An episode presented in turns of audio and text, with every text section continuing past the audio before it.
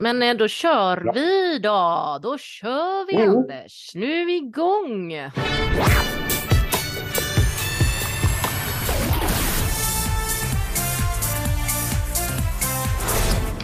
Ja, nu ska det börja det här igen. Ja, och imorgon åker jag faktiskt till Göteborg.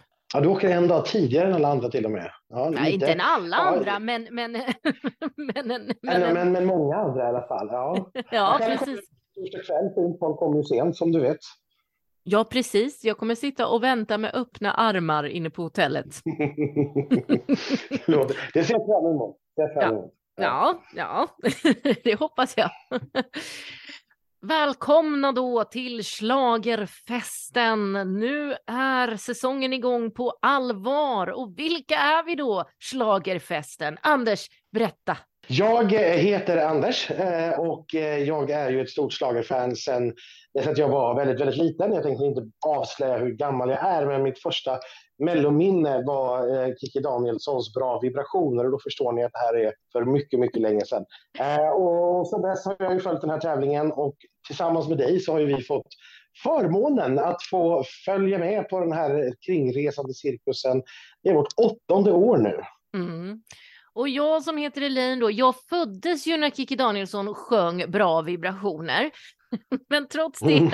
så gör vi den här härliga podden tillsammans och eh, jag och min bakgrund är ju då nöjesreporter och radiopratare som kanske hörs ibland sådär. Ja, hörs på dina radioövergångar om inte annat. Jag själv har ju mer ett radioutseende, eh, som man brukar säga. ja men men ibland, igång. ibland fastnar du på bild på vår Instagram. Ibland, ibland fastnar jag på bild här och då eh, när jag är lite extra glad och lycklig. Eh, så, så är det. Mm. Men jag tycker vi kör igång. Det är den 63 upplagan av Melodifestivalen som tar sin början nu den 4 februari i Skandinavium i Göteborg. Ja, vi är tillbaka till att börja i Göteborg. Det tycker jag känns härligt. Mycket har hänt eh, sen vi hördes sist. Bland annat har ju vi släppt två, eh, om jag får säga det själv, eh, fantastiska dokumentärer. Ja, men de är lite roliga ändå. Det, jag tycker det. det. Det har lagt ner några timmar på att eh, få tag på, på, på människor som vill uttala sig och, och prata om det som har hänt. Vi har några fler idéer. Vi, vi får se när vi får tid och energi och kraft att göra dem. Ja, för det är ju ändå lite mer jobb med dem än vad det är med våra vanliga poddar. Det krävs lite mer journalistiskt arbete och eh, mer tid framför allt.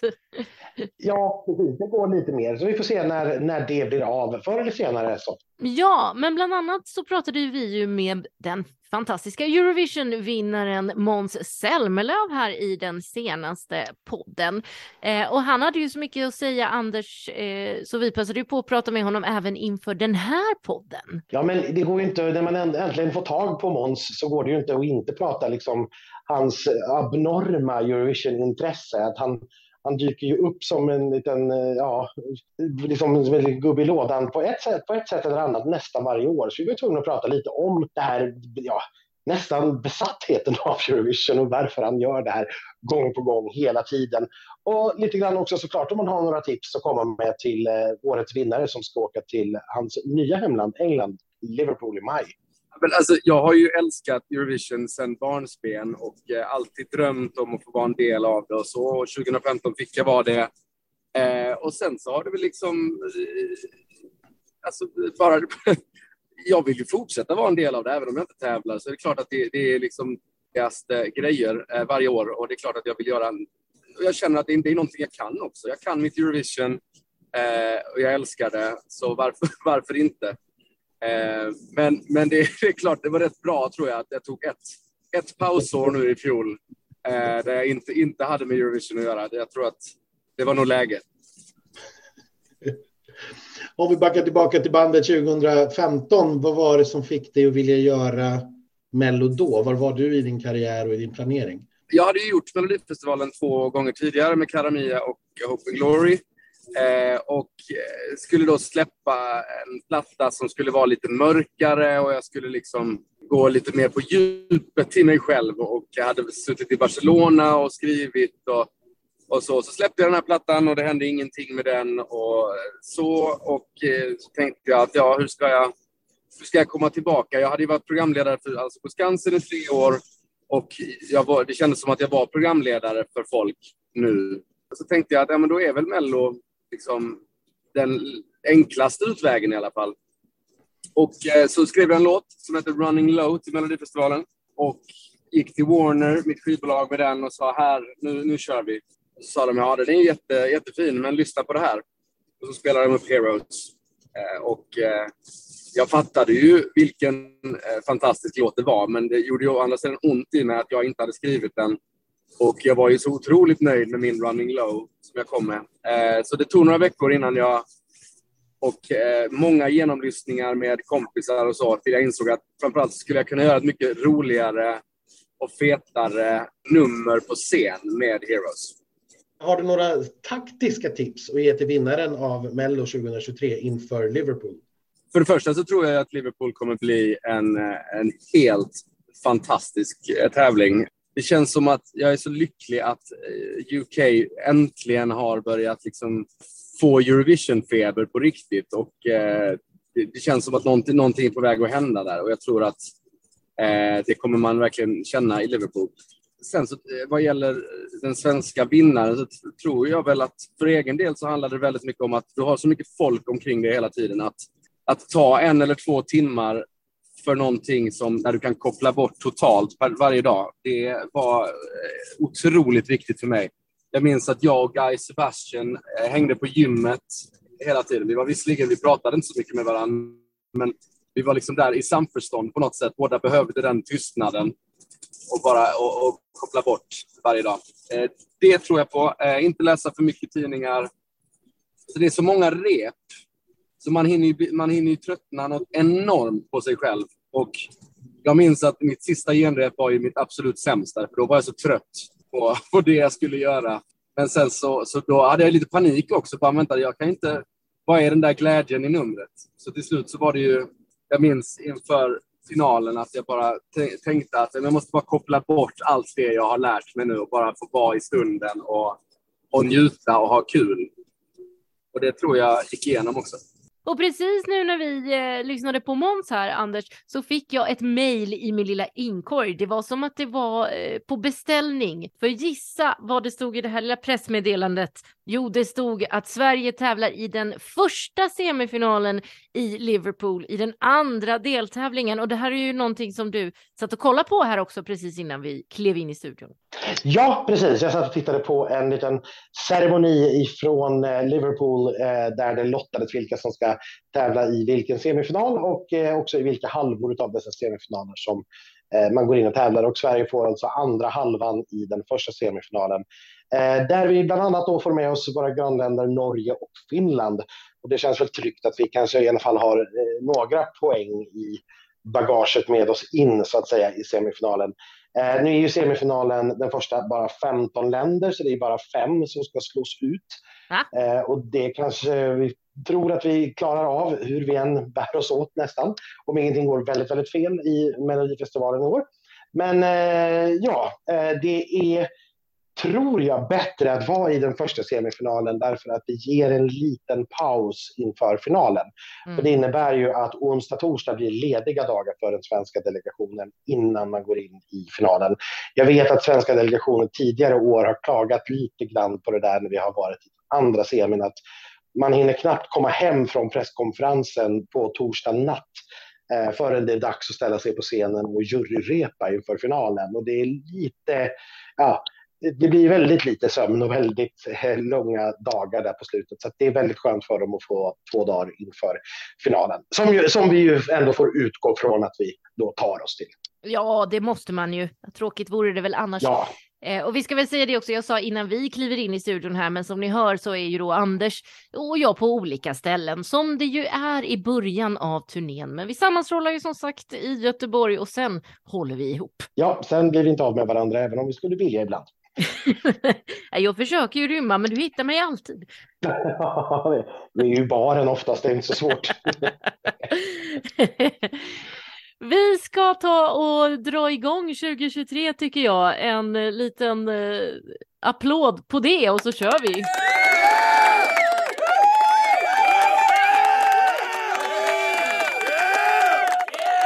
Och allra först ut i Melodifestivalen 2023, start nummer ett i deltävling ett, där hittar vi ju förra årets eh, succésaga, framgångssaga, får man säga det? Tone Sekelius, Rhythm of my show. Anders, berätta mer för oss om det här. Eh, ja, till att börja med ska jag säga att Rhythm of my show var ett en titel som SVT från början hade notoriskt svårt att stava till. Rhythm visade sig vara ett mycket, mycket svårt ord att stava till. Jag såg flera eh, pressmeddelanden med olika varianter av stavningar, inget av dem rätt på det ordet. Men nu har man fått till det korrekt i alla fall. Den här låten är skriven av Dino Medan Hodgic, Jimmy Joker Törnfeldt, Anders Wrethov och naturligtvis Tone själv. Eh, och det här är ju välbekanta låtskrivarnamn, behöver inte gå in jättemycket på dem. Det här är Jimmy Jokers trettonde bidrag. Han, har, han hade fyra bidrag i final 2022. Eh, det är Anders Wrethovs 28 bidrag eh, och det är Dino Medan sjunde bidrag. Det som gör honom lite speciellt är att alla hans sex tidigare bidrag har gått direkt till final. Ja. Eh, vilket faktiskt är ett rekord. Det är ingen annan som har lyckats ha så många direkt till final i rad tidigare. Och eh, han är alltså helt hundraprocentig på finalfronten där. Ja, då vill man ju ha honom eh, som låtskrivare, det vill man ju. Ja, men det är ju ett, en, en maskot kanske. Mm. Eh, mm. Tone har ju hunnit fylla 25 år. Vi känner igen henne från förra året. Eh, då fick hon ju mest uppmärksamhet kanske för att hon var den första transsexuella artisten i Melodifestivalens historia. Uh, upplever inte att det var så mycket snack om det mot slutet därför att mm. hon hade liksom lite grann satt alla på plats uh, ja. som artist. Var, var, varken så att säga någonting annat eller representant för någonting. utan som Tone. Vi har sett henne i Paradise som programledare under året. Eh, och hon har ju avslöjat att hon ska vara med i Let's Dance. Mm, och ja. det här var ju, eller så här ska jag säga, det blev ju en av våra favoriter under förra året. Eh, hon övertygade oss ju. Så mm. vi var ju lite nyfikna och snackade lite med henne nu såklart inför eh, årets deltagande. Eh, och den första frågan som jag var lite nyfiken på det är ju så här ett år senare hur, hur hon ser tillbaka på melloåret 2022 det var alltså ett av mitt livs absolut bästa upplevelser. Samtidigt som jag också... Det var också väldigt utmattande, för, alltså, om man ska vara helt ärlig. För att det, alltså, någonstans så... Man påbörjar allting och allt är så jävla kul och allt är så nytt och allt är så... Du vet, allt är, det, det är inte en sekund av att man chillar lite grann. Speciellt om man gör det liksom för, för, första gången. För då, då är det verkligen så allt är nytt. Man vet knappt vad ett torrrep innebär. Man vet liksom inte att säga när folk snackar om att press ska sitta där, man bara okej, okay, absolut.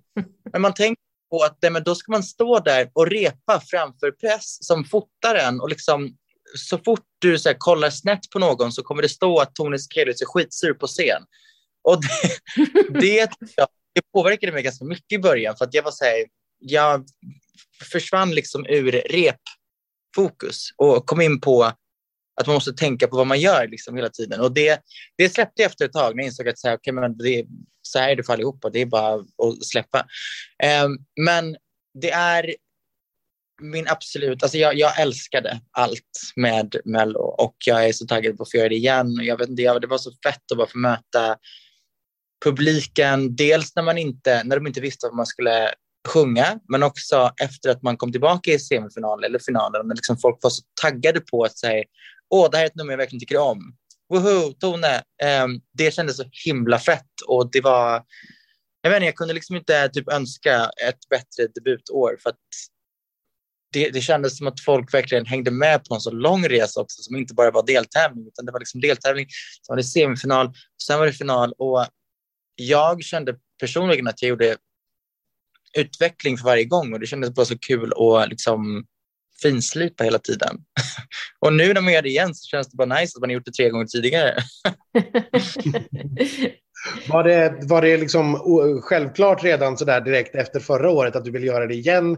Eller hur växte det beslutet fram? Hur, hur gick din inre monolog? För jag att du hade en så här vägde för och nackdelar fram och tillbaka. Det var ganska självklart att jag ville vara med. Um, nackdelarna för min del, det var mer så här, okej, okay, vad ska jag tänka på den här gången för att liksom vara lite mer förberedd? Det var typ de sakerna som, det var liksom inga, inga nackdelar som vägde om jag skulle göra det eller inte egentligen, utan det var mer det här jag måste ha i åtanke om jag ska göra det igen. Um, sen så vill jag verkligen göra, jag vill ha ett år där vi skriver en låt som är modern till Mello och inte en låt som, för My Way var ju liksom fem år gammal när den kom med. Uh, den här gången skrev vi den i somras. Så det känns kul att ha en låt som är väldigt nutida, någonting som vi skrev väldigt nyligen. Mm. Vad är det för saker du tar med dig då, som du sa att det här behöver jag tänka på? Vad är det för någonting som, som, du, som du har tagit med dig in i år?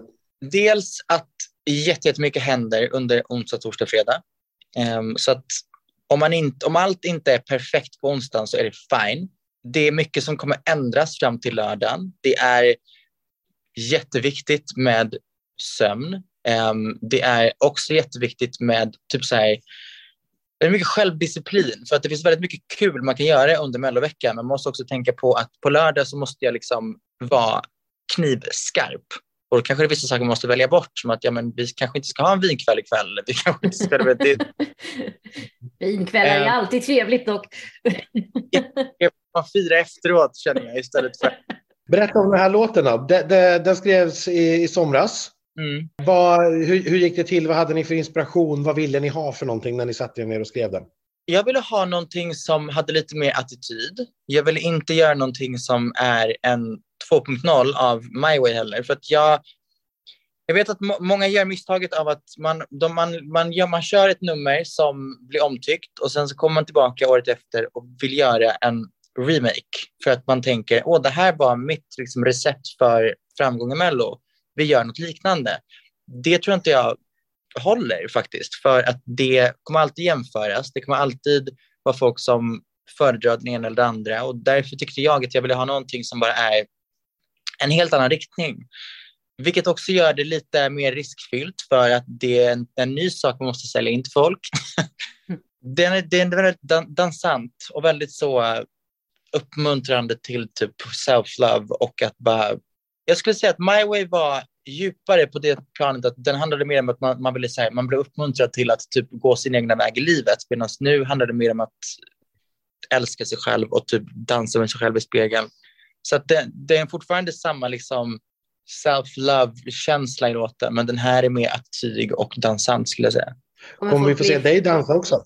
Jag kommer definitivt dansa. Och det, det var också en grej som jag verkligen ville ha till det här året, att jag ville ha mycket mer dans, vilket också gör allting snäppet svårare. Men ja, det, det blir en hel del movement, så att säga. Mm. I hur höga mycket... klackar undrar jag? De är, eh, vi har inte kompromissat när det kommer till oh, klack. Härligt! Hur mycket dansträning blir det nu då? Jag tänkte du ska ju också ställa upp i Let's Dance har vi hört. Har ni redan ja, börjat det. med det? Eller går det att slå ihop det här på något vis? Men man hade nästan önskat att Let's Dance var innan Mello, för då hade man kunnat ha lite mer övning. Nej, men det har varit ganska mycket rep. Det man får, liksom med SVT brukar man repa vid två eller tre tillfällen och sen så får man gå hem och repa och sen så kör man live. Nu har vi kört, jag fick koreografin, sen har jag en, liksom, en utomstående danslärare som jag har dansat med liksom, typ sju gånger privat för att liksom, göra allting så bra som möjligt och liksom, få fram den bästa sidan av mig. För att jag hade förmodligen fått koreografin, gått hem och repat på någonting som kanske inte var till min fulla potential. Men I don't know, för jag är ingen dansare, jag vet liksom inte vad min fulla potential är. Att just att repa den här dansen och få fram mig till 100 procent har varit jättekul, men det är också väldigt utmanande för att det, det blir en del. Ja, det, det, det, blir det. Eh, är, det, är, det. är det nervöst nu att du får gå ut som startnummer ett? Du får ju öppna hela tävlingen. Jag tyckte att det var jobbigt i början nu har jag någonstans landat i att det känns lite skönt skulle jag säga. För att, okay, ett, jag hade kanske velat ha, jag hade kanske liksom velat vara någon deltävling in. För att det känns skönt att kunna sitta hemma och kolla på en deltävling och veta att säga, okay, det här är vad som väntar nästa vecka. Men nu har jag landat i att det, det kanske ligger någonting i att SVT lägger den som första nummer för att man kanske vill att det öppnar med ett bombastiskt nummer och då hoppas jag att de liksom kanske tänkte att mitt nummer är det. Jag måste väl leva upp till det, så det är nästa steg. Men jag har landat i att det känns kul och det känns skönt att också kunna sätta sig ner när man är klar och bara okej, okay, nu kan jag kolla på resten utan att vara skitnervös. Du har 27 nummer på dig och sen titta på alla andra bara. ja. Hur, hur bombastiskt kommer numret att bli då? Hur stort blir det? Får vi vattenfall, fyrverkerier och dansande rosa elefanter brukar vi ta som exempel. Det återstår att se. Det blir, um, det blir inte så gulligt. Oh, det blir hårt. Vad har vi för färger att jobba med här? Vad är färgskalan? Skalan, eh, vet du vad, sånt här, sånt här det håller vi på lite grann. Okej, det- vi håller. Ja, ja men det, det blir en annan sida. Skulle Det jag blir en annan sida av Tone. Så tror du folk kommer bli lite förvånade och chockade? Definitivt. Det um, var också någonting som jag, jag ville. Jag tror att man kommer bli det redan fr- alltså från att den sätter igång. Både Mhm. scenmässigt och låtmässigt. Så det känns kul. Vad roligt, nu blev jag ännu mer taggad. Vad, vad hoppas du på att uppnå då, tävlingsmässigt? Det är ju trots allt en tävling det här. Eh, vinst. You're in it to win it. Det gillar vi. Ja, det, jag ehm, insåg förra året att det är många som inte är det och det tycker jag är skittråkigt. Mm. Jag tycker att är man med i, speciellt liksom i en musiktävling där, alltså, vi, det handlar, alltså där vinsten är att vi ska åka vidare och representera vårt land i en ännu större musiktävling, then why the fuck är, är du inte med för att vinna? Jag fattar att det är en stor liksom, exponeringsgrej, I get that, men för min del så hade jag hade inte varit med i det om jag inte såg en chans att vinna. Och jag tror att allt möjligt i livet borde man älska så pass mycket själv att man tror att det är skitbra innan man försöker övertyga andra om att det är så bra. Så att jag menar, jag tycker inte det är en, jag vet att det är väldigt icke-jante, men ja, man är med för att vinna och det tycker jag att man ska vara. Det tycker jag också. Helt rätt inställning. Det kan du komma långt på tror jag. Har du varit i Liverpool förut? Eh, nej, jag har varit i, i London. That's all of the England that I know. Faktiskt. Oh. ja, men. Jag har inte heller varit i Liverpool, så det är okej. Har du varit i Göteborg förut? Ja, ja. ja, det är bra. The. Mamas vann ju från, från nummer ett 2020 faktiskt, så att det är fullt möjligt att ta sig den resan. Finns det några planer för vad som kommer hända efter Mello för din del, om vi bortser då från ett potentiellt Eurovision-deltagande Och en Let's Dance-vinst. och en Let's Dance-vinst? Kommer det mer musik? Eh, Vad händer i sommar? Blir det turnéer? Var kommer man att kunna se och höra dig? Planerna just nu skulle jag säga är ganska mycket tv och så, så här. Nu är det musik och tv, sen är det dans och tv, sen är det sommar och under den sommaren så tänker jag att det ska bli ganska mycket turnering, ja.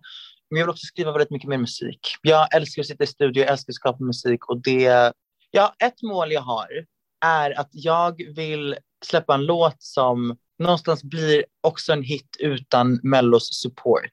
Alltså det, det känns som ett, ett rimligt mål artistmässigt och det, jag vet inte, det, det, det känns som att jag, jag vill någonstans bli också bara artisten Tone och inte Mellotone. Så att, ja, det är väl ett, ett mål jag har. Och idag, det här är ju nytt för i år Anders, idag tisdag, vi spelar ju in det här tisdag kväll, eh, så fick ju vi höra alla låtarna. Det var uppspelning redan idag.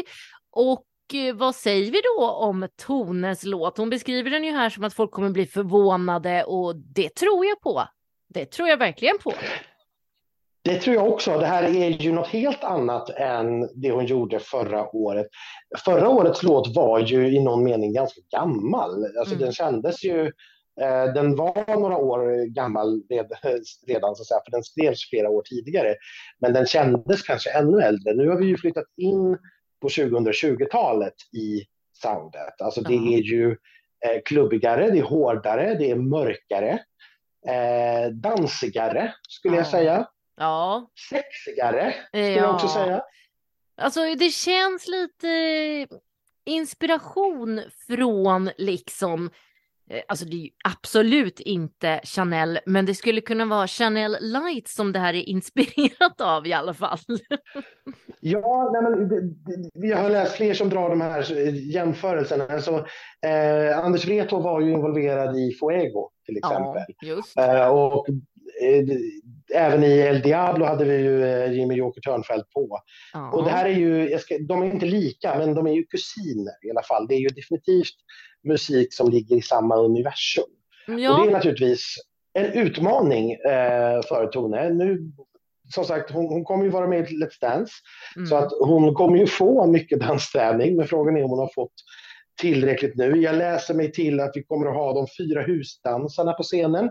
Årets husdansare då kan vi också presentera eh, eftersom de kommer att vara med hela säsongen. Eh, I år är det Lisa Arnold, Lamin Kamara Holmén, Kim Pastor och Kenny Lantz. Eh, alla de här fyra kommer att vara på scenen ihop med eh, Tone eh, och hon har dessutom tagit in ytterligare två dansare Oj! eh, på scenen. Eh, Och det är Lars Äfsunds på kör i kuliss. Så vi kommer alltså ha maximalt antal människor, åtta stycken involverade och sju stycken kommer att vara på scen. Så att det blir nog dans, fart, fläkt kan vi nog mm, utgå från, tror jag. Ja, jag hoppas det till en sån låt. Ja, och man, ja men det är ett utmärkt nummer tycker jag att börja årets Melodifestival med. Det, det får igång publiken, det får igång tv-tittarna och en jättebra återkoppling så att säga från förra årets stora framgångssaga. Så att eh, well played skulle jag säga att ha det här eh, som startnummer. Vad tycker vi då? Jag tycker ju att den här är otroligt bra. Ja, kort och koncist. ja, ibland är det. ja, jag håller med. Jag tycker att det här är ett jättebra, en jättebra låt. Den här vill jag höra mer. Exakt. Så att, en, det, jag har, det är bara applåder härifrån inför den här öppningen. Sen finns det då vissa utmaningar med eh, såklart, och det är Tone också inne på som ni hörde att ja, men vi vet inte riktigt, så här, är det här för modernt och hårt? Kommer hon då Mm. behålla sina, sin äldre publik som hon ju fick förra året? Mm, Det var ju många precis. äldre, eh, de högre åldersgrupperna, telefonrösterna som röstade på henne. Tappar hon dem? Ja. Eh, är det dans? Klarar hon av det i högre klackar? ja. Det finns frågetecken. Jag tror eh, inte att hon skrämmer bort någon med det här, för jag tror att det här är tillräckligt bra. Men hon måste ju såklart vara bra. Eh, och det vet vi ingenting om förrän vi har sett det på scen. Exakt, och det är ju ofta så här. Vi vet ju ingenting på inför avsnitten om hur det väl ser ut sen. Liksom. Och det är det som är så kul med det här. Allt kan hända och allt kan Jajamensan. vända som Babben säger. Precis, det ska flyta mycket vatten under broarna här fram tills det är direktsändning på lördag. Det bevisade ju inte minst Tone själv förra året. Vi ska väl be Tone i vanlig ordning. Traditionen står sig. Våra snabbfrågor. Hon ska själv få beskriva sin låt. Om den här låten var en frukt eller en grönsak? Litchi. Oj, exotiskt. Hård på utsidan och slemmig på insidan. Exakt. Eh, Vilken världsartist hade kunnat göra den här låten? Oj, jag har svårt. Gud, jag försöker sätta mig in i vad fan. Nej, vänta nu. Hur går min låt? Nej, jag vet inte om vi har något svar på det. Dua Lipa. Det var henne jag lurade lite åt.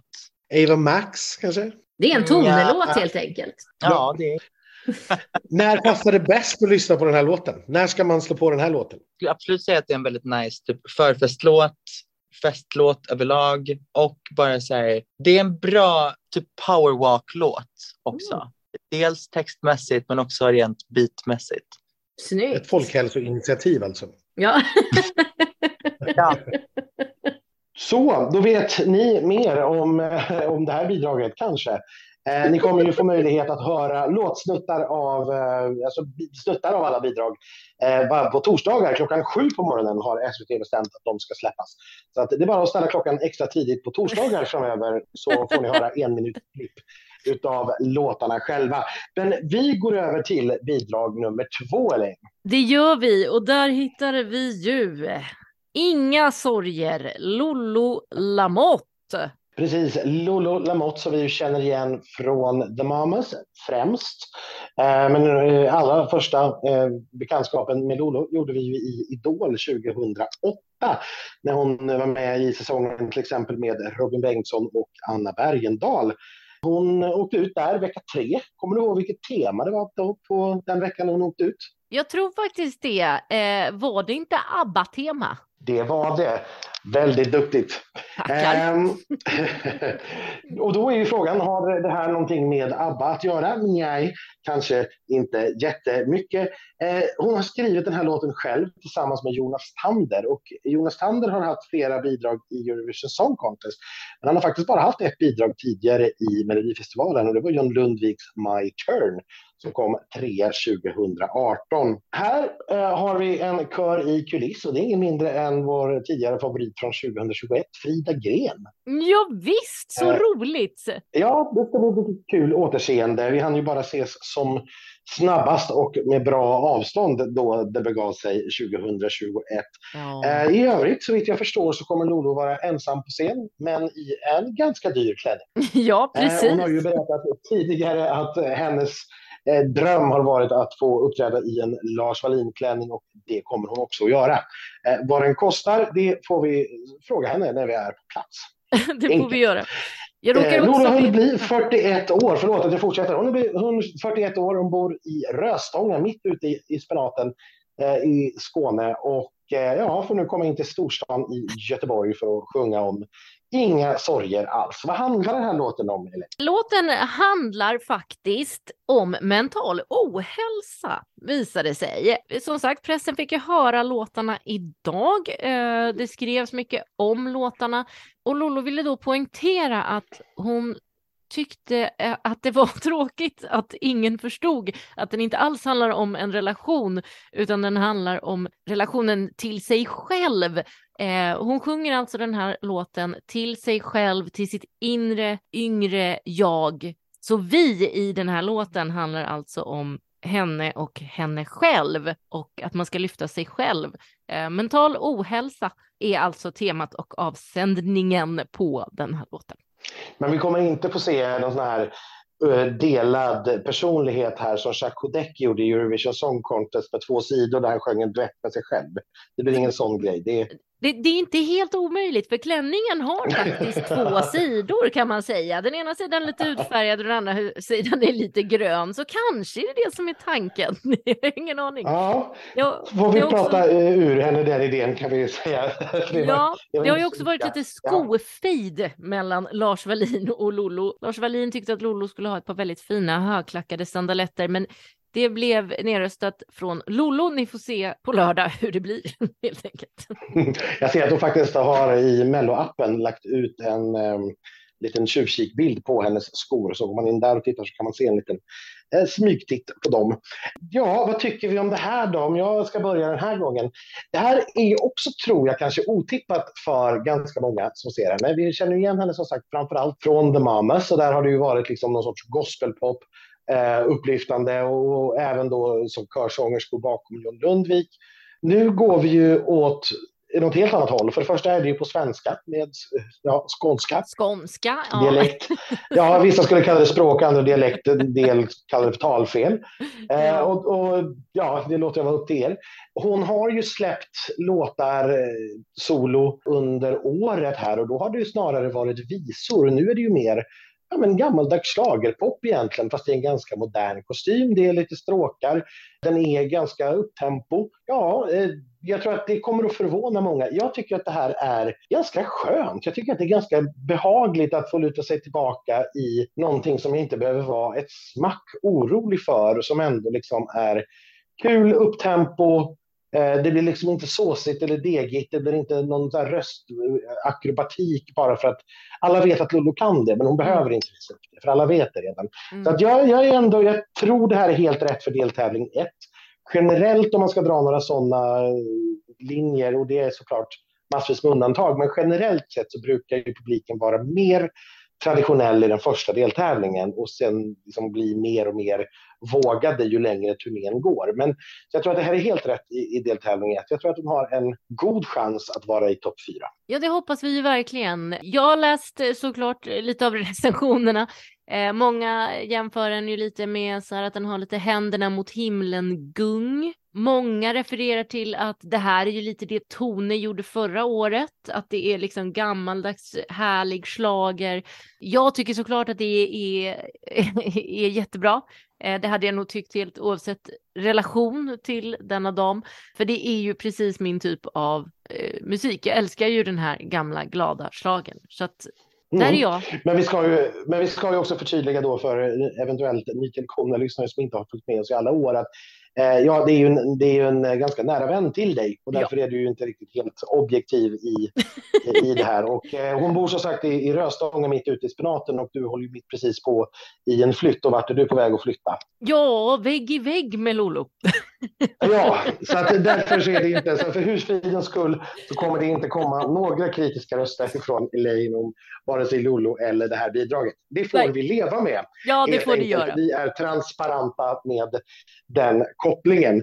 Men känner vi oss klara med eh, bidraget för stunden och går vidare till nummer tre här på menyn. Bidrag nummer tre, här hittar vi ju Rayhan med låten Haunted. Berätta mer, här, vi vet ju ingenting. Eh, Rejan eh, är en liten kille från Uddevalla och jag säger en liten kille. Han är eh, 16 år eh, och går på ekonomprogrammet där i Uddevalla. På sin fritid så spelar han också fotboll. Eh, vi har sett honom tidigare i Talang 2021 där han ju gick till final.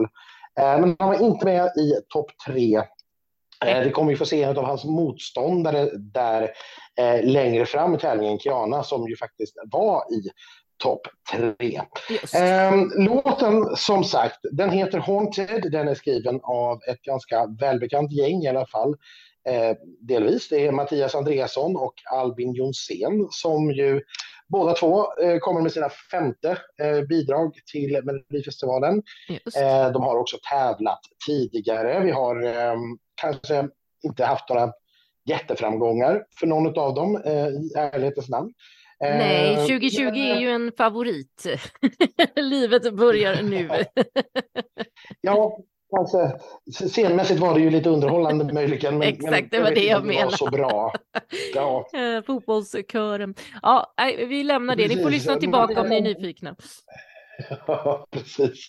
Mattias Andreasson har faktiskt också eh, fejkspelat bas och varit kör bakom eh, Jakob Karlberg när han tävlade, också 2020.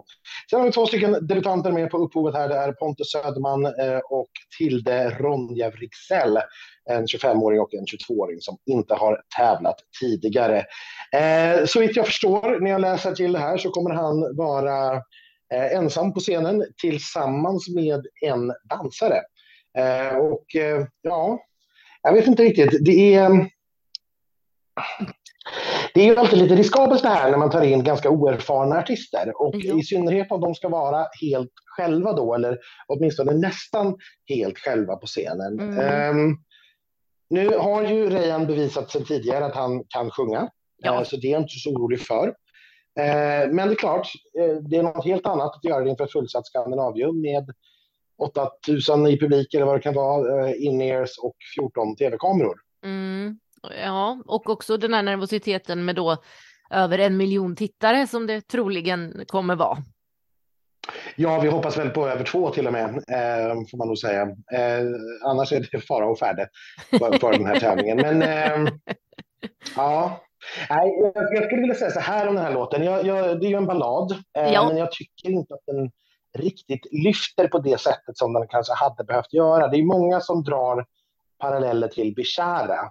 Mm, eh, men det tycker jag inte stämmer för- alls, för jag tycker låten är något helt annat. Bishara hade ju typ någon form av Disney-ballad. Jag tycker att det här är någon form av, det är en ganska fin ballad, men det känns inte heller som att den riktigt passar honom och det kan bli lite tråkigt i, i, i sammanhanget här när man inte man, man kan liksom inte känna att Reihan känner det han sjunger för ja, du hade ju lite synpunkter på Nej. texten där, det var roligt.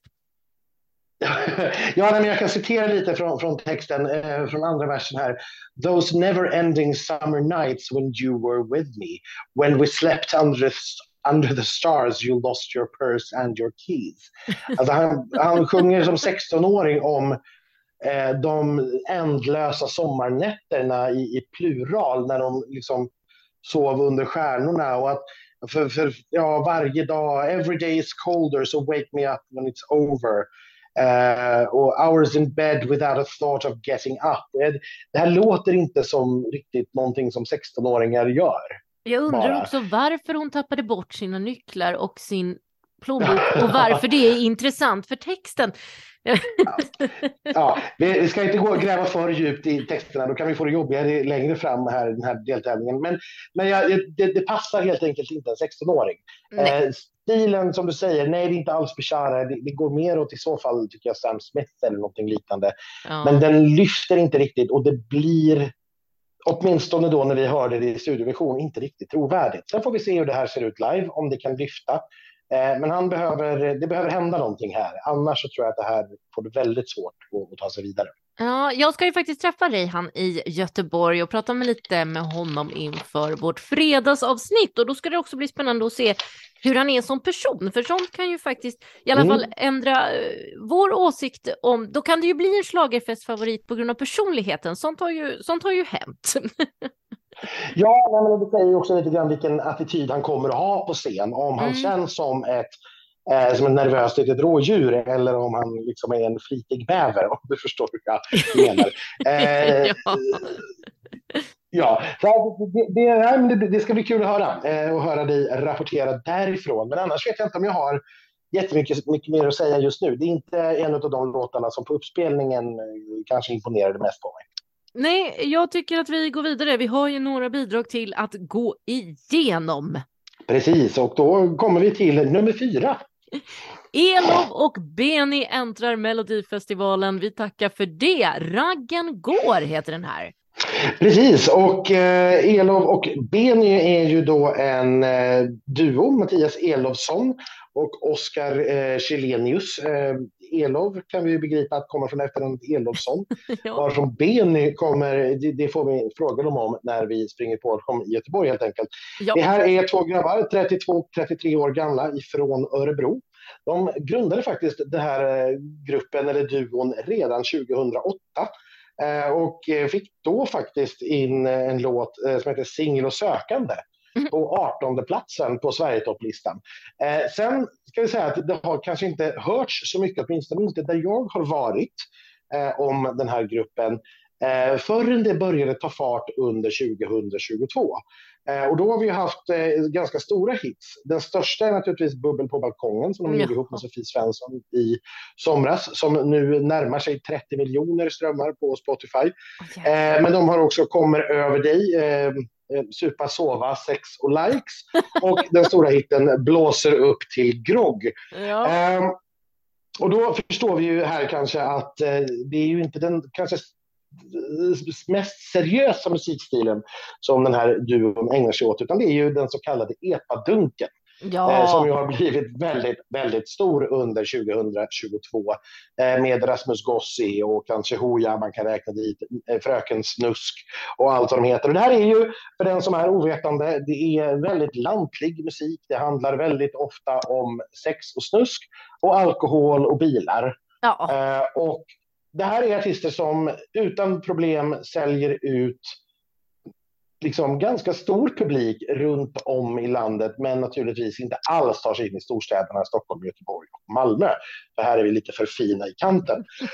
och det har ju Elo och Benny också sagt, att den här låten eh, Raggen går, den driver ju lite grann också med stockholmare och storstad. Eh, ja. och ger lite nålstick till oss som bor här. Och det kan jag väl hålla med om att vi eh, förtjänar, helt enkelt. Ja, Ja, det gör ni. Jag är ju lantis nu så att jag, jag kan säga ni. ja, precis så. Eh, förutom artisterna själva då så är den eh, skriven av Tim Larsson. Eh, väldigt erfaren mello-kompositör. Eh, det här är hans 22 bidrag. Han har till exempel skrivit eh, Alcastar eh, vann med Las Vegas 2005 och förra året skrev han Teos som du vill. Vi har också Christian Weishag, eh, det är hans tredje bidrag. Eh, och han har gjort kan man säga, lite annan typ av musik tidigare i Mello. Han gjorde Jessica Anderssons I did it for love och Elisabeth Andreassons Vaken i en dröm. Men nu har vi alltså gått Epadunken istället. Vi har också eh, Johan Werner som är en 28-årig Mello debutant. Eh, då har vi väl kanske bakgrunden eh, till det här. Jag har läst mig till på Melopedia, denna utmärkta sida som SVT eh, tillhandahåller eh, för oss alla som sköts till största delen av Gustav Wallander, att för Karlstads universitet, jag gissar att de har någon sorts ja, tidning eller liknande, där har de berättat att det är helt enkelt Elov och Beni själva som har velat vara med i Melodifestivalen och då sökt hjälp av de här låtskrivarna att få ihop någonting som sen då har skickats in till SVT och det är klart att eh, ett sånt här namn vill man naturligtvis ha eh, med i startlistan. Så att, eh, ja. Jag tycker det är så snyggt att eh, SVT eh, raggade upp ja. det här. Ja, det, det, vi pratade om det faktiskt när vi pratade i, i höstas. Ja. Eh, att eh, det här var ju något som jag efterlyste, att det skulle synas. Och man har ju gjort det tidigare. Man har plockat upp eh, Camphor Drops till exempel som vi fick stor sommar i 2017. Just. Plockade man ju in i Melodifestivalen 2018 och så vidare. Så det har man gjort förut. Men jag är väldigt glad för det. Jag tycker att det här är jättekul. Jag tycker att det är ja. jätterolig musik. Det finns ju sticket i låten när de sjunger om att köpa korv med bröd och kören får liksom call and repeat på, på rostad lök. Ja. Och jag, jag, jag, jag fnissar liksom utav det här. Jag tycker att det är, det är så fånigt men så roligt. Ja. Eh, det är ju bara glad musik som du ska dansa till och ha kul till. Ja. Inget mer pretentiöst än så. Men Anders, vad står det om numret då? Det blir ju jag nyfiken på. Får vi liksom en Amazon på scenen eller blir det bara Elof och Beni själva? Eh, det här vet vi inte riktigt än. Den informationen har vi inte. Utan det, den enda informationen vi har är om det blir liksom körsångare eller inte. Okay. Eh, och eh, vi kommer att ha kör på scen. Det är tre stycken. Eh, Åsa Bergfalk, Simon Wingmert och Lars Säfsund som kommer att vara på scen. Och vi har dessutom tre husdansare så de är maximala åtta och alla åtta kommer att vara på scen. Ja, men, då... men, vad vi får för typ av nummer här i övrigt, det, det vet vi inte. Det vet vi inte. De har inte skrivit ut någon, någon rekvisita i år alltså. Nej, det håller de på lite, lite till, så det får vi veta senare i veckan. Aj, aj, aj. Ja, om inte annat aj, på, tors eller på torsdag när vi ser klippen. Precis så. Men känner vi, ja, vi ska, ja, vi har, jag tycker vi har pratat om låten och vad vi tycker. Tror du på topp fyra för det här eller är det bara något som är kul? Nej, jag, jag, jag, tror verkligen att det här är topp fyra. Eh, det, jag har väldigt svårt att se att det skulle vara utanför topp fyra. Det som möjligen talar emot det, för det finns några intressanta punkter också. För det första, ja, de är förmodligen deltävlingens största artister på Spotify. Eh, mm. De har nästan en miljon månatliga lyssnare. Men det är ju förmodligen en ganska strömlinjeformad lyssnargrupp. Alltså när vi slår ut det här på åldersgrupper så är det nog ganska smalt. Mm. Jag är inte mm. säker på att den här publiken är den som i första hand kanske tittar på Melodifestivalen. Eh, dessutom är de ju helt oprövade kort när det kommer till en sån här stor produktion. De är ju vana att sjunga kanske på O'Learys. Ja. Eh, eller motsvarande ställen, inte ett fullsatt Skandinavium eh, med återigen då in mängder med tv-kameror, sekund klipp, dansare, rekvisita. Det är ju en helt ny situation för dem och det vet man inte riktigt hur det kommer att slå. Eh, dessutom så den här typen av låtar som är liksom lite roliga, de har haft svårt på sistone. Mm. Eh, det har inte gått så bra för dem med några undantag. Eh, och jag vill absolut inte säga att det här är ett skämtbidrag. Vi kommer till ett sånt sen. Eh, det här är in, inte det. Det här är ju... Jag, jag ska säga att musiken de gör är ju såklart inte seriös i betydelsen att, att de sjunger om sina liksom, inre demoner eller depressioner eller liksom vill förmedla någonting eller skriver av sig någonting. Det gör de ju inte. Utan de gör ju musik som ska få folk att vara glada och dansa. Och i det är de ju väldigt seriösa. Ja. Eh, men, men, men det är de här sakerna som talar emot. Men jag har ändå väldigt, väldigt svårt att tro att det här skulle vara utanför topp fyra. Jag tror att det här är, och helt oavsett så är det en jättehit på Spotify. Även om den skulle åka ut så är det en av årets stora Spotify-hits, det tror jag. Mm, kul! Ska vi ragga vidare? Vi gör väl det. Vi har ju ytterligare tre, två bidrag. Nej, tre bidrag har vi. Tre bidrag, vi ska inte glömma någon. Nej, och vi ska inte hoppa över något. Det ska vi inte göra. Vad har vi på nummer fem? Här hittar vi ju dagens födelsedagsbarn då. Viktor Krone tillbaka i tävlingen. Det känns som att han har varit med fler gånger än han har. Hans låt i år, den heter Diamonds. Precis, och födelsedagsbarn är han därför att han fyller 31 år idag den 31 januari när vi spelar in det här. Det innebär att han är 31 år och en dag eller ännu äldre beroende på när du lyssnar. Eh, Viktor kommer ifrån Österåker utanför Stockholm. I början av sin karriär hade han eh, artistnamnet Vic Hart Eh, vilket jag tyckte var lite fnissigt, så därför så fastnade jag för det. Eh, han började musik som 14-åring, fick möjlighet att eh, vara i USA några år och jobba på sin musikalitet. När han nu då är hemma igen så eh, han gjorde debut i Mello 2015 eh, när han var featuring artist till Berang Miri i låten Det rår vi inte för. Mm. 2019 så hamnade han ju borta i Estland som ni vet, där han ju vann deras Estilaul Eh, och kom eh, på 20 plats i Tel Aviv för Estland med låten Storm som ju också blev en liten radiohit i Sverige. Eh, 2020, före pandemin, gick han till final med den egenskrivna låten Troubled Waters och slutade nia i finalen där. Eh, förra året så var han med på upphovet eh, på Robin Bengtssons låt Innocent Love. Det här är ju hans mellohistoria. Mm. Och eh, ett problem här är väl att vi har inte sett eller hört så jättemycket av honom utöver just den här mellohistorien. Eh, han har släppt lite låtar, en del tycker jag till och med har varit riktigt bra ska säga, men det har inte liksom blivit hits av det. Det har inte riktigt liksom lyckats Nej. lyfta. Nej. Eh, så vitt jag förstår av den informationen vi har fått så kommer han vara ensam på scen. Eh, och det är väl också något jag kanske gör mig lite tveksam. Jag tror att han var ju det eh, sist och det gick ju så där. Det var någon konferensdans och annat. Eh, ja, ja alltså han tog sig till finalen då. Eh, ja. Och slutade ju nia. Eh, men jag är inte säker på som sagt att hans liksom, utstrålning och personlighet riktigt klarar av att, att bära upp scenen på det sättet. Det är väl det som gör mig lite småskeptisk här. Han har, mm. låten är skriven ska jag säga utav Peter Kvint, välkänt namn. Det är hans elfte bidrag med Melodifestivalen totalt. Eh, skrivit väldigt mycket med Andreas Jonsson till exempel. Eh, och tidigare med eh, Lollo Lamotte också. Eh, Jajamän. Eh, David Lindgren Zacharias eh, är också med på upphovet här. Men ja, men alltså, det här är ju, låten är ju en ganska typisk Viktor Krone-låt på det sättet att det är ju P4 EDM. Ja. Eh, alltså, det går ju i rakt nedstigande led från Aviciis eh, Hey Brother Wake Me Up. Yeah. Alltså den här lite inspirerade EDM-musiken som är ja, ganska P4 anpassad får man säga. Den är väldigt melodiös. Det är en jättefin melodi i det här tycker jag. Jag säger så här, jag kallar det för radiosvar. Ja, det också. Eh, det är det. Det är, det är en ganska fin melodi tycker jag i, i refrängen här framför allt.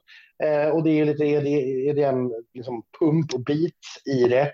Men jag kan också känna att vi, vi, har, vi har hört den här typen av låt förut. Och den här låten blir ju, om man ska vara hård, väldigt, väldigt generisk. Alltså i princip mm. vilken artist helst hade kunnat sjunga den här låten. För det, hade, det finns liksom inget personligt uttryck i låten. Och när Viktor själv är, ja, men inte har liksom den karisman heller kanske riktigt, Nej. så skulle det kunna bli svårt. Å andra sidan då igen, eh, vi har ju haft flera frågetecken på flera av bidragen här tidigare och kommer att ha det på de som kommer också. Eh, det kan ju mycket väl vara så att det här faktiskt klarar sig alldeles utmärkt och att det här är precis med hänvisning till det jag sa tidigare angående Lollo, att publiken är traditionell i första deltävlingen, mm. så är det här väldigt välbekant. Det här är väl, vältrampad mark för Mellopubliken, så att säga, den här låten. Nej, men jag tycker ju det är lite tråkigt. Jag, jag, tycker ju det. Jag, jag, tycker det är Viktors bästa låt, men med det sagt så är det fortfarande lite tråkigt och någonting som vi har hört väldigt, väldigt mycket av. Men som du säger, folk gillar ju uppenbarligen den här typ av musik och man kanske tycker Viktor är lite gullig. Jag, jag tycker det är ja, svårbedömt. Det är ju. Ja, ja, det är, ja, det är, det är väldigt svårbedömt. Han, han är väldigt gullig. Nej, men det, det, jag tycker också det här är väldigt svårbedömt. Jag vill verkligen se det här, hur det kommer att se ut, så att jag får en liksom, lite mer bild av hur det här kommer att vara. Jag tycker den är, det är jättesvårt att veta hur stark den här är. Jag ser på, på, ehm, på övriga recensioner, folk som har skrivit eh, och även på oddsen att eh, det här verkar vara en låt som väldigt många tror på och det finns väldigt goda skäl att göra. Mm. Men jag höjer nog också kanske liksom lite varningsfinger att mm, kanske är lite för generiskt alltså. Vi får se. Ja, vi får ju det. Livet går vidare. Det gör det. Länge lever livet. Ja, för där har vi då nu hamnat när vi kommer till bidrag nummer sex. Vi välkomnar tillbaka Eva och Eva. Den här gången heter låten just Länge leve livet.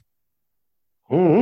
Eh, dessa två töser, 79 och 73 år gamla, eh, numera bosatta i Malmö respektive Borås. Eh, båda de här två har ju varit aktiva sedan 60-talet, så de har ju tillsammans en 120 års scenerfarenhet ungefär. Eh, och det är klart, jag ska inte ens försöka att sammanfatta det. Eh, det får bli en egen poddserie om man är intresserad. Ja, men gud vad roligt. några, några små korta nedslag i alla fall som ändå är lite roligt. Eh, Eva Rydberg eh, tävlade ju i Melodifestivalen 1977 mm. redan med låten Charlie Chaplin som faktiskt var skriven av Thomas Ledin. Just det. Och Eva Ros, eh, hon var den första gästartisten någonsin när Allsång på Skansen första gången tv-sändes 1979. Före det hade det ju varit ett radioprogram sedan, jag vet inte, 30-talet eller någonting. Men när det tog steget in i tv-rutorna 1979 så var Eva Ros den allra första gästartisten. Det är väl lite häftigt ändå. Ja. Eh, man, man, har ju liksom trots allt respekt för de här två damerna och ja, för vad de Gud, har gjort. De ja. jobbar ju fortfarande stenhårt och ofta och gärna tillsammans. De har gjort väldigt mycket revy framför allt tillsammans eh, under åren. De kommer att ha fyra dansare på scen. Jaha. Så det blir nog fartfyllt. I låten så finns det ett litet parti, ett litet stick där det liksom låter som att det ska bli någon sorts steppdans. Ja, eh, det gör det. Jag har en gissning att det då blir ett steppdans, tänker jag. Ja, um, det, det är troligt. Ja, precis. Jag ska ta lite kort om låtskrivarna här också. Då. Vi har Henrik Pieroff som har varit med en gång förut. Han, sjöng, han skrev Rebeckas låt Who I Am 2019. Kalle Rydberg då, eh, Evas son, Rydbergs eh, son då, eh, som var med och skrev rena rama Ding Dong 2021.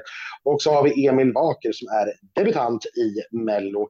Eh, vi kommer ju också ihåg att eh, Eva hjälpte ju Oscar och Farah en hel del i en av deltävlingarna förra året. Och Eva och Eva med rena rama Ding Dong var ju faktiskt pausnummer eh, under förra året också i den deltävlingen. Så att vi har ju nu sett de här två damerna i två melodifestivaler i rad. Mm. Eh, och nu blir det tredje. Ja. Och ja, hur känner du inför det? Känner du att gud vad kul med ett tredje år? Eller känner du oh. jag är nog lite inne på det andra spåret där. Eh, med all respekt för de här damerna såklart, eh, så är det ju så att det måste finnas några andra gamla tanter eller gubbar som skulle kunna vara med istället och, och göra någonting nytt. För det känns lite som att eh, det här skulle vara en engångsgrej. Det är ju inte rena rama ding dong 2.0 som vi går in med här, utan det här är ju något helt annat. Här, här får vi ju liksom någon form av 20-tals uh, kuplett, eller? ja, alltså det är ju ett revynummer, men det, det saknar... Där, där jag tyckte att rena rama Ding Dong var liksom lite roligt att så här, ja, men två tanter går in och lite grann, ja, men gör lite narr av ungdomarna och, och TikTok och deras liksom, telefoner och sådär. Här blir det ju bara ingenting tycker jag. Och precis som du också är inne på, tredje året i rad. Jag vet inte. Nej, det är ju det är fortfarande som vi sa redan när det presenterades att det blir ju som om Ravajax skulle gjort det en gång till direkt efter. Ja, det är eller, eller Ja, det var, det var roligt där och då. Eh, det var kul att de kom tillbaka som en mellanakt, men, men jag vet inte, alltså tredje gången. Jag, jag vet inte. Jag vill nog inte rösta på det här i alla fall. Jag tror att de kommer att ha det väldigt, väldigt svårt att ta sig vidare.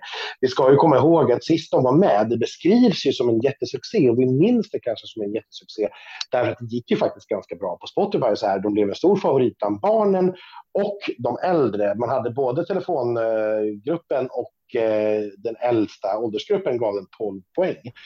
Eh, men jag vet inte riktigt, det blir väl liksom ingenting riktigt kvar här för att barnen nu kommer ju ha Elof och Beni att rösta på. De kommer ha Tone att rösta på. De kommer att ha Jon Henrik att rösta på som vi kommer till här ja. eh, alldeles strax. Och eh, de äldre kommer att ha Lollo att rösta på.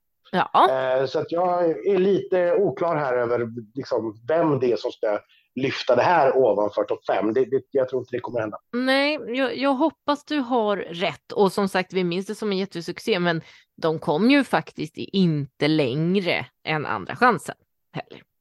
Nej, precis. Det, det, det, de, det, stod stopp där och sen blev det en stor framgång på Spotify och så där mm. för dem. Och mm. En stor barnfavorit. Jag har flera förskolepedagoger eh, i min eh, umgängeskrets som var ganska trötta på den där låten. eh, jag tror att de inte behöver vara lite oroliga för, för den här låten. Så kan Nej. Vi släpper det och så steppar vi vidare då till någonting som i alla fall jag är nu väldigt exalterad över, även om jag inte var det när jag såg namnet på papper. Vi ska ju då möta nu bidrag nummer sju som är det längsta artistnamnet någonsin. Visst är det väl så?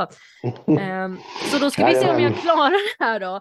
Det är Jon Henrik Fjällgren, featuring Adam Woods och Ark North. Och låten, missade jag något? Nej, nej, nej, du kommer fel ordning bara. Men eh, Ah, ja, attans. det är Jon Henrik Fjällgren, Ark North featuring Adam Woods. Ja. Så ska det vara. Och låten heter då på samiska, så därför överlåter jag detta till Anders. Ja, låten heter Where You Are, inom parentes eh, Saversan. Ja, Eh, och, Det var, det var eh, Saveshan jag var ute efter. Ja, Where, where you are kan jag säga. Jag tror att det är så det ska uttalas. Det är en, en diminutiv av Save. Eh, och Save är ju eh, Jon Henriks dotter. Eh, så, och det här blir då helt enkelt min lilla Save. Ungefär. Låten handlar ju då eh, om avstånd mellan människor och att man, det känns, även om man kanske inte är så långt bort så kan det kännas som att det är hav eller till och med hela stjärnsystem eh, emellan en och, och, och den man saknar. Mm. Så den går ju att tolka på många olika sätt, men inom parentes då så handlar den ju för Jon, Jon Henriks del om sin dotter. Det här är ju en ganska spännande kombo får man ju säga utav personer. Ja, Eh, och vi ska, eh, vi, ska, vi ska lägga till här då att den här låten eh, är ju också den slår ju ett till rekord det är ju den att det är åtta personer på upphov. Ja. eh, vilket vi har haft en gång tidigare, det var Outriggers Echo 2014 som också hade åtta personer på upphov. Eh, men det är ett tangerat rekord. Och tänka sig, alla utav dem var snubbar. Kan du tänka dig vilken, vilken slump? nämen. Nej, nu får Ja, jag göra reklam för vårt, eh, för vårt eh, mellanavsnitt som vi gjorde för några år sedan som handlade om vart är kvinnorna i musikbranschen tror jag. Ja, eh, men ja, så, så, så kan det bli helt enkelt. Eh, det här är Ark North, eh, om vi börjar där. Det är en eh, 25-årig eh, DJ-producent. Hans stora hit heter Numb. Den har 48 miljoner strömmar på Spotify. Han Oj, har flera låtar som är mellan 15 och 30 miljoner låtar.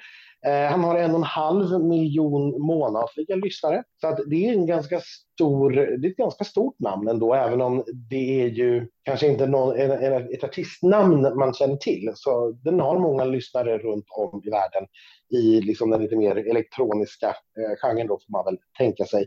Oskar Kristiansson heter han på riktigt.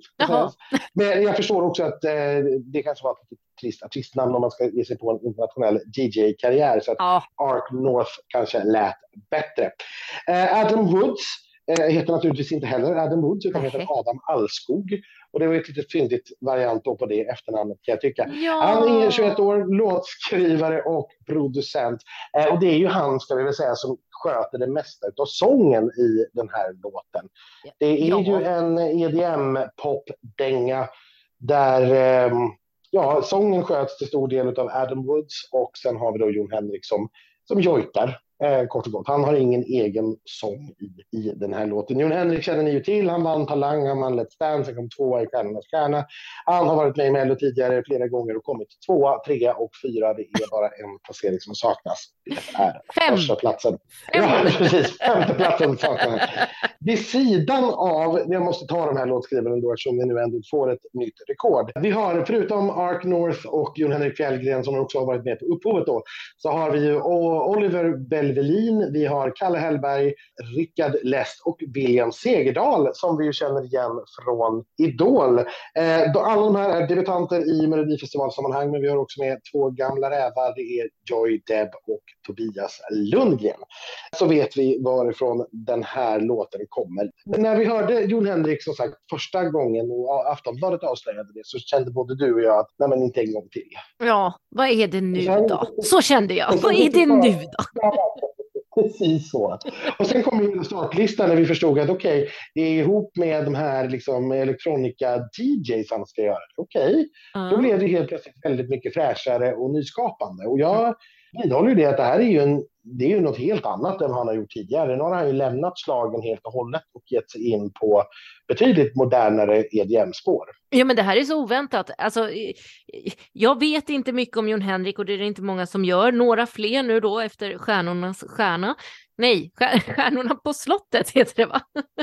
Ja, hur? Ja, eh, men jag trodde kanske inte att han var eh, en EDM-kille. Eh, men det är han uppenbarligen nu och jag tycker att det här är så roligt, så modernt, så härligt och så Eurovision. Det känns väldigt, väldigt Eurovision detta, ja. Hade Eh, inte Loreen varit med i år så hade jag sagt skicka det här. Ja, och det kanske vi säger ändå efter startnummer 28. Det får vi se när vi kommer dit. Men det är Absolut. ju absolut, absolut en contender till att ta hem det här. Jag är bombsäker på att John Henrik går direkt till final. Om inget mycket, mycket oförutsett inträffar. För här, även här så finns det ju några små frågetecken. Ja, kan Adam Eh, Woods sjunga? Den första är, exakt, det är den första frågan. Precis som vi har sagt om flera nummer här tidigare.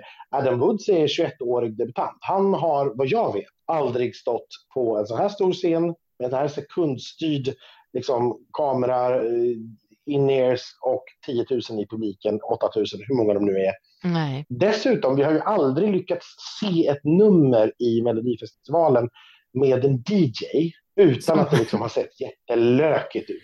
Jag har Sant. liksom aldrig lyckats få till det. Och nu Nej. vet inte jag alls vilken roll den här Art North ska spela på scenen. Så att det ska bli väldigt, väldigt spännande att se vad det här blir utav det. Eh, det vi har läst oss till eh, hittills är att man kommer ha in en ensam dansare på scen. Mm, Det låter Eh, snyggt. Och vad det blir i övrigt då. Ja, det låter snyggt, men vi får se vad det blir i, i övrigt. Jag hoppas att, att det inte blir det här DJ-uppställningen, för det är som sagt det, det blir väldigt, väldigt svårt att få att se snyggt ut. Det ser jättekonstigt ut, eftersom ju alla vet att den här DJn inte spelar. Han står ju bara där och låtsas. Han står ju inte där och Exakt. knappar. Han står ju bara och trycker på knappar liksom. Ja. Det är ju steget de här som ska fejkspela trummor och bas. Det här är ju ja, det, det är jättekonstigt. Det, det går inte att få det bra. Så att det här är jag jättenyfiken på eh, att se eh, hur de kommer att göra det. Jag är fortfarande inte orolig för att han ska gå direkt till final. Det är jag ganska säker på att han gör. Ja. Antingen som etta eller som tvåa. Eh, men det är väl stagingen som kommer att avgöra om det är en contender för slutsegern eller inte. Så Ja. skulle jag vilja säga. Det skulle jag också tro. På tal om det här etta eller tvåa, behåller man det här momentet från förra året där man delar ut poäng för att se vem som blir tvåa? Ja, eh, det gör man. Och eh, SVT är jättetydliga med att det handlar inte om att vara etta och tvåa, utan det är bara två olika sätt att ta ut finalisterna. Mm. Så har vi förmedlat den officiella bilden också, trots att alla vet att det naturligtvis inte är så. Nej. Eh, Men det är, den, det är den officiella bilden från statstelevisionen i alla fall. Att först tittar vi på vem som har fått flest röster totalt. Och den går till final. Och sen tittar vi på vem som har fått flest poäng och då går den till final. Eh, och så hävdar man att de två är då båda eh, vinnare eh, på samma placering. Och så eh, förstår ju naturligtvis alla att det inte är, utan det är naturligtvis de fyra som har gått direkt vidare som vi kommer att prata om när vi kommer fram till finalveckan om en dryg månad. Ja, ja. Mm. Ehm, Mm. Så, är det ju självklart. Eh, och sen har vi då i vanlig ordning då två semifinalister därutöver. Så det, det kommer se ut precis som det gjorde förra året, så vitt vi vet. Vi kommer att ha lite nyheter när det kommer till semifinalen eftersom man nu har skippat det här gruppindelningen och det är alla mot alla. Men det tar vi när vi kommer dit, tycker jag. Men vi har fått lite annan information om programmet. De har ju läckt det här själva, SVT. Vi kommer att få besök av eh, lite cirkus. Cirkus. Brasiliak. Vi kommer att få Mm. Karl Einar Häckner. Mm. Jag vet han var ju stor när jag var tonåring, kan jag säga. Sen har inte jag sett så mycket av honom. Så det kan vara kul att se hur han ser ut idag. Ja, exakt. Har vi också sett att Cornelia Jacobs kommer och gör ett pausnummer med eh, sin vinnarlåt från förra året. Men det är väl ganska Eh, det blir väl kul att se henne. Det är väl helt rimligt och eh, det ska väl bli kul att få se henne live igen eh, med det numret så att de andra får någonting att sikta på. Att det är liksom dit vi ska. Ja, exakt. Får vi se om cirkeln kommer tillbaka. Ja, det är mycket möjligt. Det får vi väl It's hoppas. a Hon spelar med sitt band såg jag på scenen den här gången. Jaha. Ja, ja, det blir banduppsättning alltså. Ja. ja. Nej, men det, är väl, det är väl vad vi vet kanske just nu vad vi tycker. Men eh, vi, vi måste ju såklart, vi har två saker kvar som är obligatoriska som vi inte får slarva bort. Det ena är det stora schlagerslaget. Ja, det ja, det, ja, men det är är, eh, okej. Ja, ja, och det som du då är så rädd för det är ju vår tippning. Vi måste eh, just nu.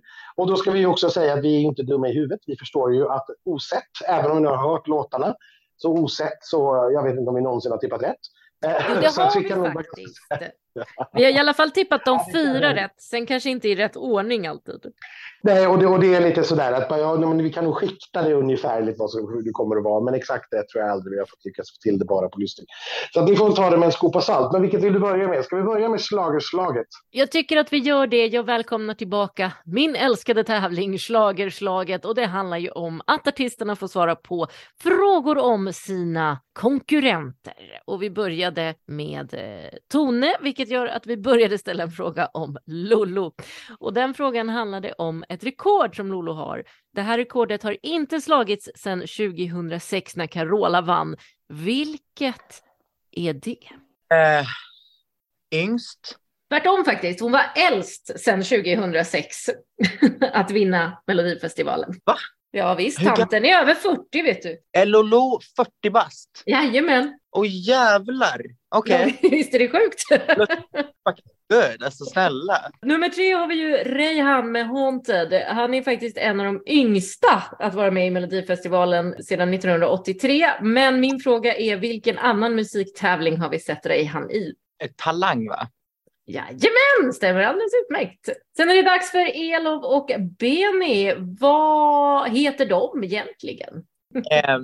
Erik och Benjamin. Jag har ingen aning. Kan du den här Anders? Alltså, jag vet ju att eh, Elof är från efternamnet Elofsson, va? Heter han Mattias eller något i förnamn? Ja, det gör han faktiskt. Men vad Benny heter vet jag faktiskt inte. Nej. Han heter Oskar. Oskar och Mattias. Nu vet du det tonen när du springer på dem. Det är superbra. Ja, ja. Sen har vi ju Eva och Eva. De heter såklart Eva och Eva. Var kommer du? Vart är de uppväxta separat? Var kommer de ifrån? Jag har ingen aning. Jag tror att... E, e, em, ja, ingen aning. Nej, Göteborg och Stockholm. Eh, Borås, så Göteborg är inte jättelångt ifrån. Eh, och Helsingborg. Okej. Yes.